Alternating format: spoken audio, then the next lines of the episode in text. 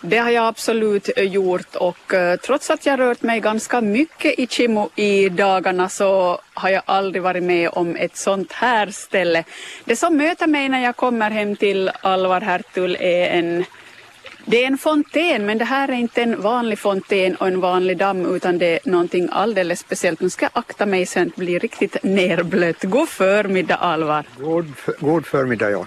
Ja, när vi hälsar dig välkommen hit till Kimobyn och till börja med så att säga och det här vi, jag är ju, uppfattar mig som sten och skrotkonstnär här och vi har då ett antal sten och skrotskulpturer här på berget. Vi bor på ett litet berg här i Kimo. Vi har en tomt som är kanske två hektar och ett berg som är ett hektar och här har vi då så att säga tillverkat tillverka ett antal sten och, och det här skrot skulpturer. Ju. Och och det här, vi börjar helt enkelt här och nu framför huset vårt. Ja, jag kan, kan säga det också att vi bor mitt i ateljén så att säga. Vi börjar här och nu, det är berget som håller en skål med vatten åt oss här och så här då mitt i, i det här vattensamlingen så har vi en fontän som är special. Allting som finns här på berget är ju special eller speciellt. Det är ju meningen att det ska inte finnas någon annanstans i världen och det tror jag inte att det finns heller. Man skulle kunna tänka sig att det skulle finnas i Amerika eller någonstans ditåt. Men inte ens Trump har något, något sånt där som vi har här inte. Och det som är utmärkande för det här som finns här, skrot och stenkonsten, så det är att det är modellstörre. Allting är stort, det är ingenting smått så där man ser det från, från vägen och så där man förstås ser det väldigt bra när man, när man kommer hit. Och det som är viktigt för mig så det är ju inte själva det här föremålet utan det, det är pratet runt omkring det här föremålet. Och det här pratet är ju då liksom, ska vi säga, det är ju riktigt säkert att det är med sanningen överensstämmande men, men det är ditåt i alla fall. Ja. Men vi går vidare härifrån då härifrån då den här vattensamlingen här och så här en 10-15 meter ifrån så har vi då jordgloben vår som syns väldigt bra ut i vägen. Ja, det var ett väldigt bra landmärke när jag skulle försöka hitta hit. Ja, den är ju fyra meter i diameter och den är av glänsande plåt och det här det är ju utmålat det här landområden som finns här i världen och så till exempel Afrika finns ju väldigt synligt här och Finland där högt uppe. Finland är där nästan vid Nordpolen. Man skulle kunna tro att vi bor nästan vid Nordpolen men när man ser på den här globen så ser man att vi bor nästan vid Nordpolen. Men eh, Alvar, det här materialet, du sa det, det är skrot, det mesta du bygger av, varifrån hämtar du det då? Nå, om man har ögon för, för sånt där så hittar man nog här och där och det är liksom ska vi nu säga i Munsala finns det ganska mycket stor skrot och, och i Vasa finns det mycket och så har bönderna här kanske en hel del gamla eh, det här jordbruksmaskiner som, som de gärna vill bli av med så jag har tagit vara på, på sånt och eh, sett till att det har fått liksom en ny användningsmöjlighet. Vi har en, ett klocktorn här och vi har uppsatt den här en stor klocka här, den är kanske en och en halv meter i diameter, den väger kanske 400 kilo. Och vi har då fyra kläppar där som man får fyra olika ljud härifrån. Och i och med att det, det här är radion då och för, som förmedlar ljud så ska jag det här gå fram och dra i det här i det här snören eller kedjorna här. Så får ni höra då hur det här hur det klockan klockan låter ska se nå, det är första ljud.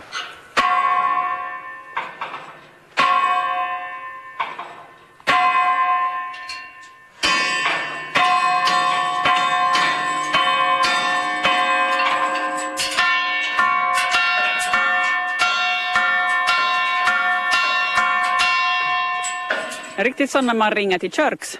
Det är nog, det är nog det kanske inte så vackert ljud som det är Oravais eh, kyrk klocka har men i alla fall så, så är det nog en, ett meddelande till grannarna att nu är någonting på, på gång här. Ja. Det är ungefär som i Söderns länder där de har sådana klockspel där de har många, många klockor. Men Alva, när du sätter igång och tillverkar någonting, när du producerar, när du skapar, för det här är ju konst. Hur börjar du? Har du liksom en klar uppfattning om vad det ska bli i slutändan eller växer det fram längs med vägen? Nå, jag har nog en idé till att börja med och så förverkligar, förverkligar jag den då och sen då när den är färdig så har man redan nästan påbörjat följande, följande skro, skrotkonst konst och, och det här, det vill ju hinna bli färdigt det ena före man börjar med det andra för det andra verkar ju mer intressant. Det är ju nästan så att gräset är grönare på grannens gräsmatta eller vad det heter sådär. Ja. Och det här, det har nog blivit under årens lopp ganska mycket, eller omfattande helt enkelt. Här vi har ju ungefär 50 konstverk här på tomten så att säga, så det, det är ganska omfattande och det är nog min hobby helt enkelt. Det är ju det att jag hade ju menat att jag skulle börja sjunga i kyrkokör. Men det blev någonting det, utan det blev det skrotkonsten istället. Ja. Så någonting ska man ju hålla på med. Man kan spela dragspel eller sjunga kyrkokör eller någonting annat sådär. Ja. Men det här blev min hobby. Men här kan du säkert sjunga medan du vandrar runt i, för det är ju en park det här. Vi, vi vandrar ju som bäst här på klipporna. Kan du ju sjunga en stump då? Nog kan man det. Jag skulle kunna sjunga Satoma till exempel. Ja. Nåja, men i alla fall. Här framför oss nu så har vi då en en det här grill och den är special förstås. Det är ett vindhjul där den går runt sin egen axel. Det är ett vindhjul där uppe som ska hålla den här grillöppningen i lä för vinden så att det inte blåser raska ögonen på oss när vi grillar. Och här har det blivit grillat mycket finska grönsaker eller som vi också kallar den här i Finland korven. Mycket finska grönsaker har blivit grillade här. Ja. Vi går vidare här och så kommer vi då till vår simbassäng. Det är berget som håller en skål med vatten åt oss här också. Den här simbassängen är 15 meter lång och kanske 10 meter bred och 2 meter djupt vatten här. Och här simmar vi då. Det går bra att dyka, dyka, dyka här också, dyka här också. Och så har vi bastun så att man får hoppa direkt i vattnet från, från bastun. Och så har vi en, det här en balanseringslina här som man kan balansera över ifall man har liksom bråttom till andra sidan. Och jag har sagt åt Pia här nu att hon behöver ju inte gå över hela linan. Hon kan ju gå bara en par meter eller två, tre meter och komma tillbaka sådär. Ifall hon tycker att det blir lite farligt sådär och riskfyllt att hon ramlar i vattnet.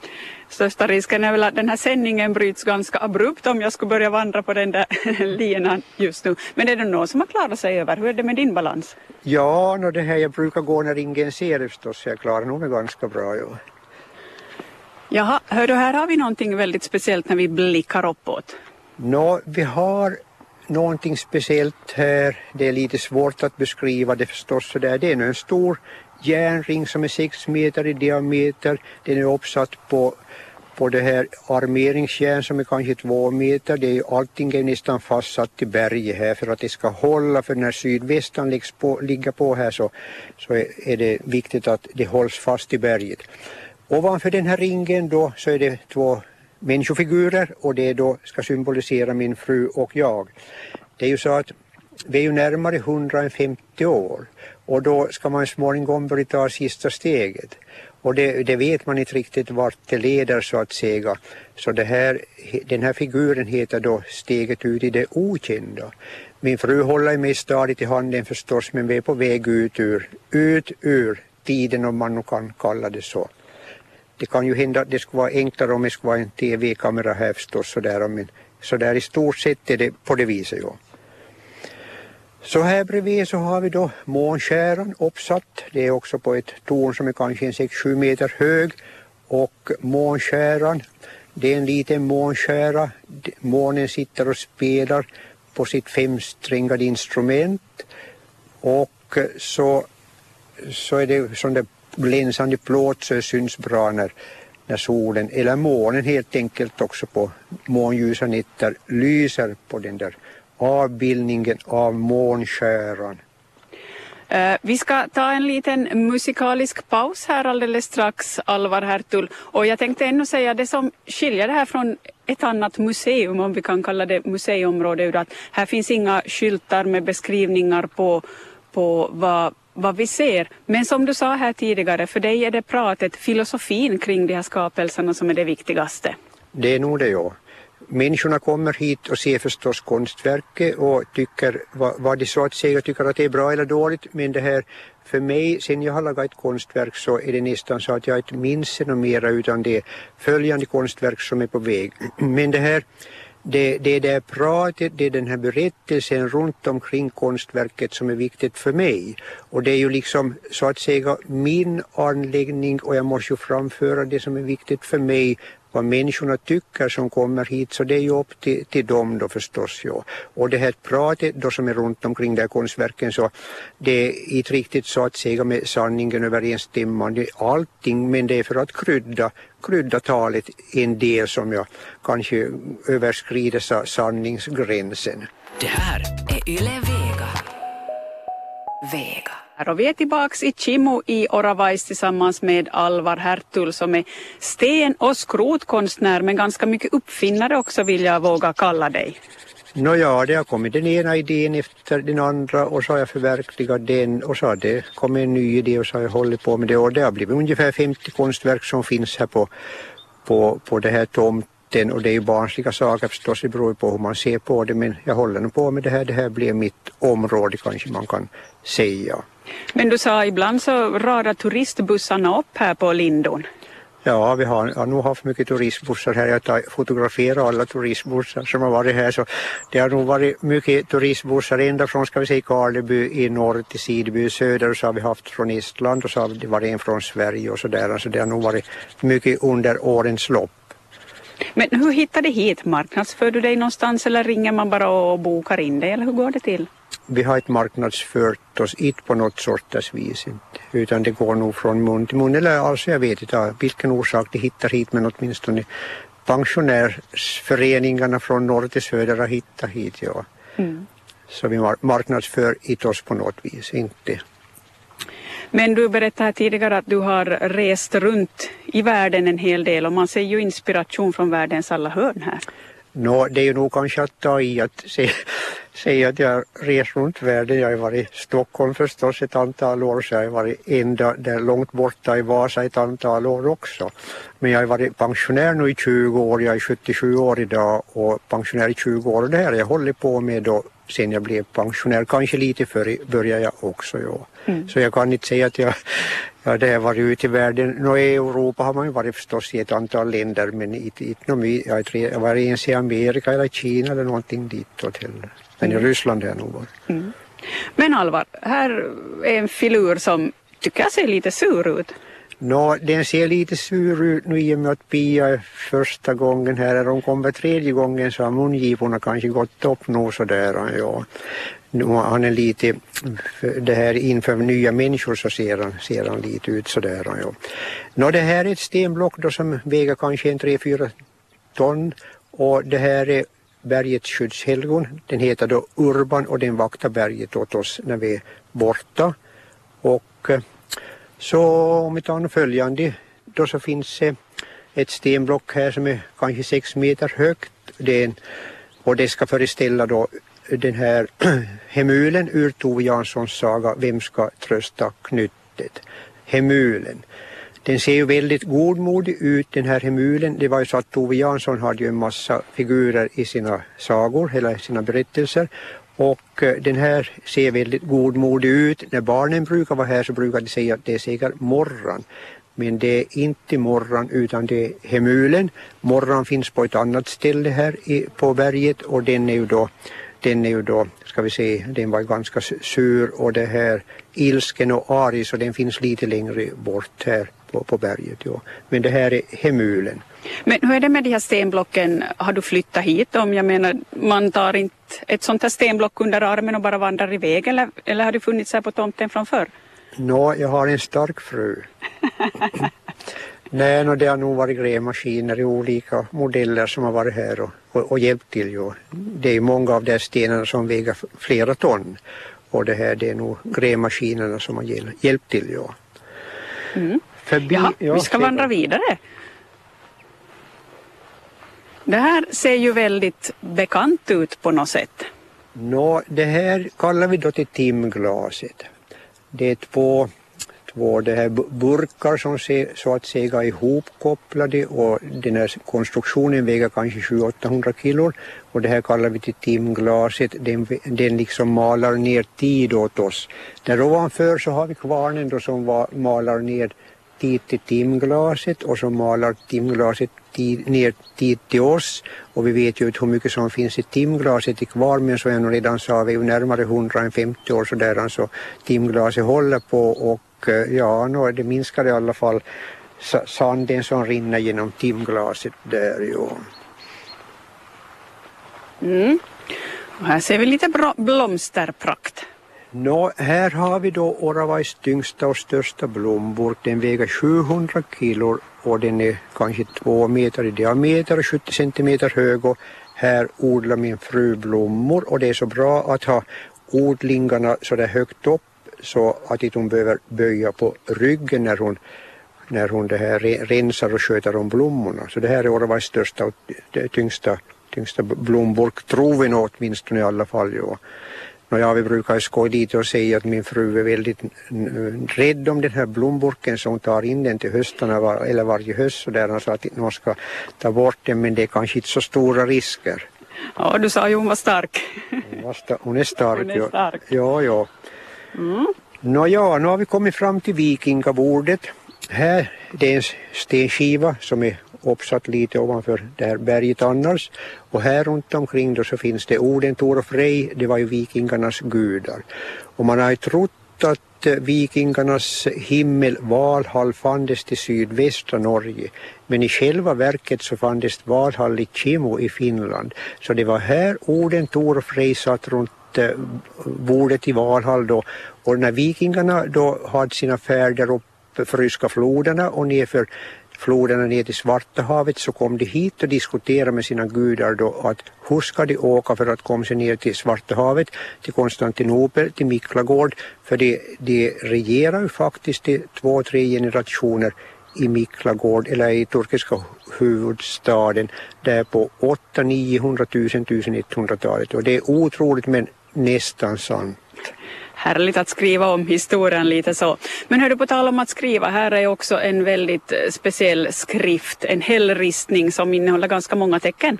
No, den innehåller 1207 bokstäver och den är inskriven då i en jungfrudans och och den, den här texten beskriver lite vår släkts göranden och låtanden här i Kimo. Funnits här i Kimo i så många generationer men i alla fall ett antal sådär och texten beskriver då vad, som, vad de har sysslat med här för i, för i vår, vår tid. Ja.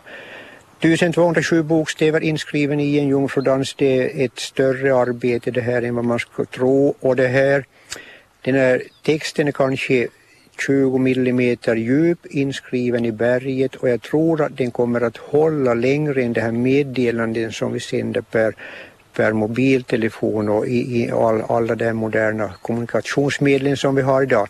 Man kan säga att berget snö, nöts en halv millimeter per hundra år. Så vi tippar att den här texten hålls här i 2000 år åtminstone innan den är ut raderad, Vind och väder utraderar den men vi hoppas att det kommer någon kines hit så småningom och, och fördjupar den. Kineserna håller ju på att ta över här småningom så att, eh, att någon kines fördjupar den här texten då och det kan ju hända att det har växt mossa och översatt den nästan inte syns den här texten. Men när de skrapar bort lite mossa här som har kommit ovanpå berget så säger det ju att nej men här måste ju ha funnits människor som har bott tidigare.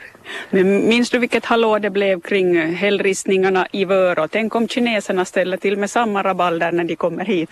Ja, no, jag är ju väldigt mån om det här att bli känd kändis, världsberömd sådär, så jag hoppas att de får namnet på den som har ristat in det då också sådär.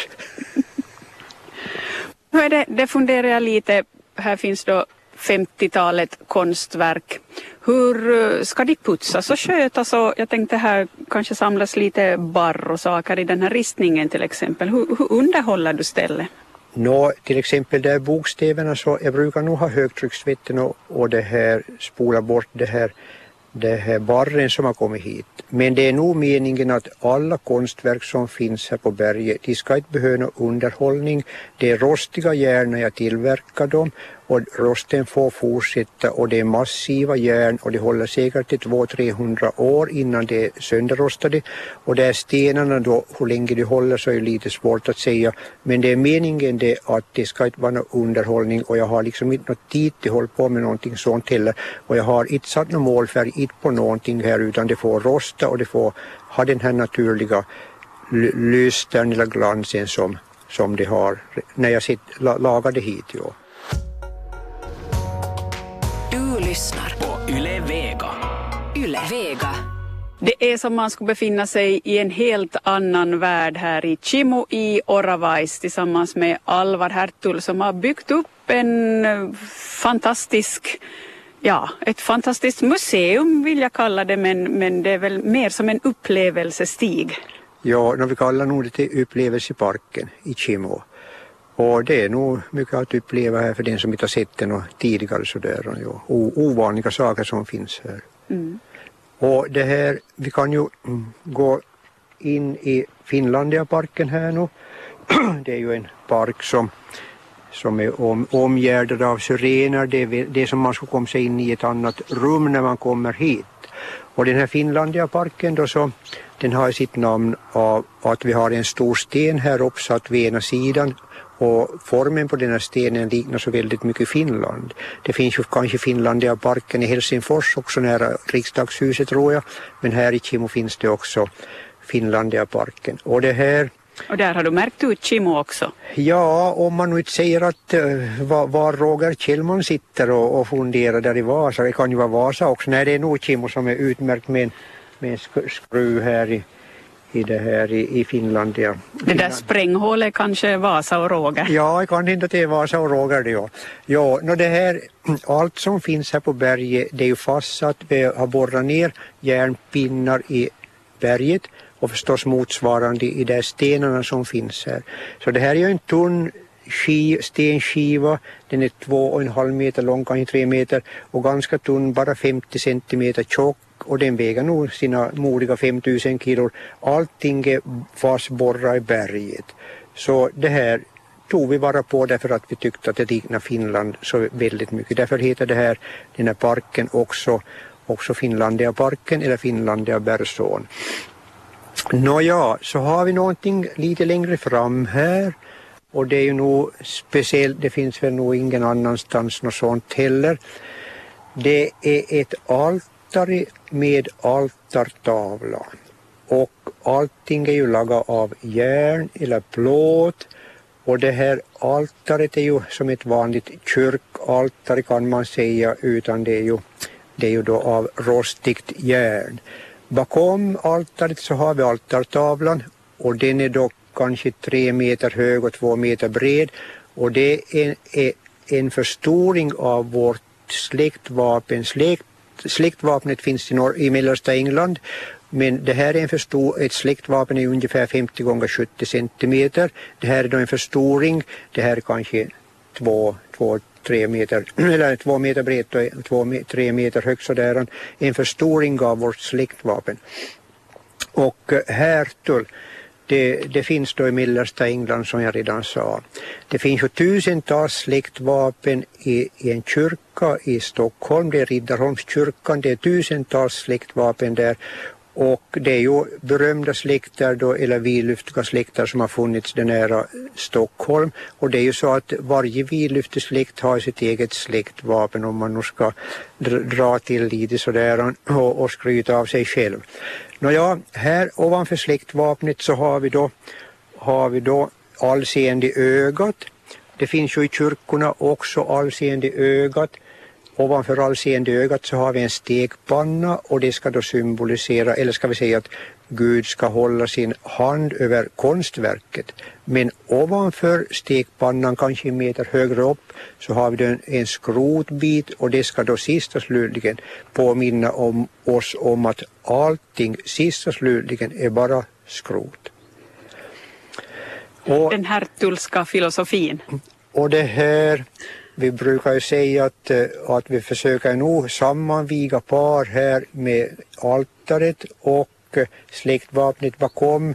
Men jag har inte riktigt vigningsrättigheterna i skick ännu. jag håller på och läser Hermodskurser för att få, få vigningsrättigheter på folk som eventuellt i framtiden kommer hit för att gifta sig.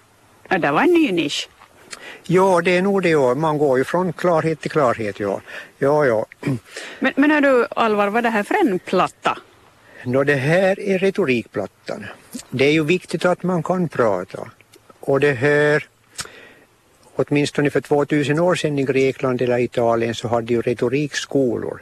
Och det var viktigt att man liksom kunde lägga orden efter varann ungefär som länkarna i en fin eh, guldkedja när man skulle stiga upp i trib tribunen eller vad det hette sådär och tala. Att man var vältalig. Här brukar jag då stå på retorikplattan när nog ingen hör på och öva mig i att bli ännu bättre att tala. Jag kan ju nog ett antal svenska ord redan sådär men, men det här det finns ju nog alltid förbättringsmöjligheter. Härligt. Men nu Alvar ska vi gå och titta på det som du väl egentligen är mest känd för. Nu kommer vi till katapulten. Och här tornar den upp sig och eh, de flesta har väl en, eh, en bild av hur en katapult ser ut. Men hur skulle du beskriva din katapult?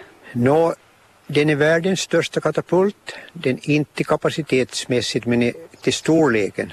Det finns ju sällskap ute i världen som håller på med katapulter och det är ju oftast mogna män, barnsliga män som håller på med katapultverksamhet. Det är mindre än det här, kapaciteten på dem är mycket större. Men här har vi då ett monster. Motvikten är 7000 kilo, kastarmen är 25 meter hög och så kastar vi då en järnklump 12 kilo, ungefär 300 meter. Och finska vapen har ju alltid varit svängda österut. Så vi, vi skjuter nästan till gränsen till alla härme men vi siktar på riksgränsen småningom österut så därifall det skulle bli några tråkigheter ditåt. Men nu skjuter vi inte mera för för det här, den har blivit lite farlig den här katapulten utan det är liksom ett avslutat kapitel. Men det här, vi är mest kända för det här och det här är tredje katapulten vi hade mindre för men den här är så att säga stor, den är ett monster, den är vidlyftig sådär och den är, det är väldigt drama, dramatiskt när man sätter igång den så att säga. När den där 7000 7 tons motvikten ska neråt jordens medelpunkt så fort som möjligt. Ja. Ja, det här är ingenting du avfyrar på egen hand, det här behövs nog starka fruns hjälp. Ja, utan vidare. Jag skulle jag klara hon tar nog repen och linorna och vajrarna här och draga ner, ner kastarmen. Ja, ja. ja. Mm. Mm. Vi ska ännu vandra lite vidare i upplevelseparken här i Chimo. Ja, här framför oss nu så har vi då, har vi då Babels torn.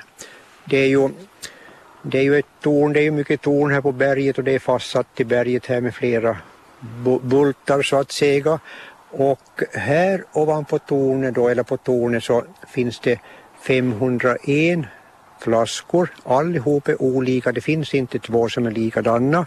Och vi brukar skoja och säga att vi har slutat upp med att dricka brännvin. Vi har flaskorna på tork här. Jag vet inte om, om de ska fyllas några fler gånger men i alla fall så har ju flaskorna på tork här. Vi har blivit lite klyftigare sådär med årens lopp fast det har tagit väldigt länge förstås. Men det här är Babels torn och det här är special. Jag har varit flasksamlare ända från 50-talet. Därför finns det både små och stora flaskor här. Det finns dropparflaskor där upp. Ju högre upp man kommer desto mindre blir flaskorna. Men det är satt, fastsatta upp och ner eller det är trädda på en pinne, på en metallpinne för det går ju att ta flaskorna på, på rätt så att säga när det kommer vatten i dem så, och det blir kallt så fryser det sönder. Men det här har hållit i flera år utan att någon flaska har gått sönder och det är 501 stycken olika flaskor, allihop är olika. Alla med sin egen historia. Ja, om man skulle minns den historien. Vi börjar så småningom eh, närma oss slutet på vår lilla promenad. Här har vi då ryska björnen. Det är en sten som är kluven på mitten och så är det insatt ett tandgarnityr där och det är väldigt rostigt det tandgarnityret. Ja, vad är det på riktigt? Det ser ganska vasst ut som sagt. Ja, det är nog bara hopplockade metallbitar sådär. Och, och somliga har vassare tänder och somliga har kanske annorlunda tänder men det är insatt ett tandgarnityr. Det har ju inte varit någon tandläkare här som har kanske putsat och borrat eller lagat någonting men det ser ut som den ska ha tandvärk nog i högsta grad. Ja. Nå, ja, i alla fall så det här är ryska björnen då. Och du såg ju Pia hur fint Finland, Finland stod i Finlandiaparken så det är liksom ett förhållande mellan Finland och ryska björnen. Ryssland har försökt att sluka Finland gång på gång men de har bara rostiga tänder så de klarar inte av att hålla oss. Och här kommer det fram hur rostiga tänder de har. Ja. Känns tryggt ändå att ha den där katapulten riktad åt rätt håll där? Vi har, vi har motionsbanan här, vi har Greften sjö här det är, den är 55 meter lång och kanske 20 meter bred och det vatten är, vattendjupet är kanske 1,2 meter så där. Och det här vi har 700 vita näckrosor planterade där och idag syns det säkert ganska bra i och med att solen är upp för de kommer alltid upp eller fram eller slår ut när solen är fram. Vi kan titta på den lite senare så där Eh, en sjö och det här vi kallar den förstås till till det här Svansjön i och med att vi har en svan som simmar här hela tiden. Den är lite vingklippt så att den slipper inte upp i luften. Och Svansjön, de har Svansjön på Bolshoi-teatern i Moskva också förstås men i Kimo har vi också Svansjön. Men den här motionsbanan går runt den här sjön och den är 400 meter lång och den, vi går in i skogen här också. Och den använder vi då varje dag, helst 20 gånger i veckan och det blir kanske sex gånger förstås men i alla fall varje dag. Det är viktigt med den här fysiska motionen. Den här psykiska har vi ingen hand med så där utan den sköter sig själv men den här, den här fysiska kan man ju försöka förbättra lite, lite om man har möjlighet och här, här har vi möjlighet och vi är väldigt noga med att, att, eh, att det här går runt den här banan varje dag. Min fru är ännu mer, det är viktigare för henne än för mig att gå runt den banan. Men vi sköter vår motion på det här, på det här viset. Ja. Mm.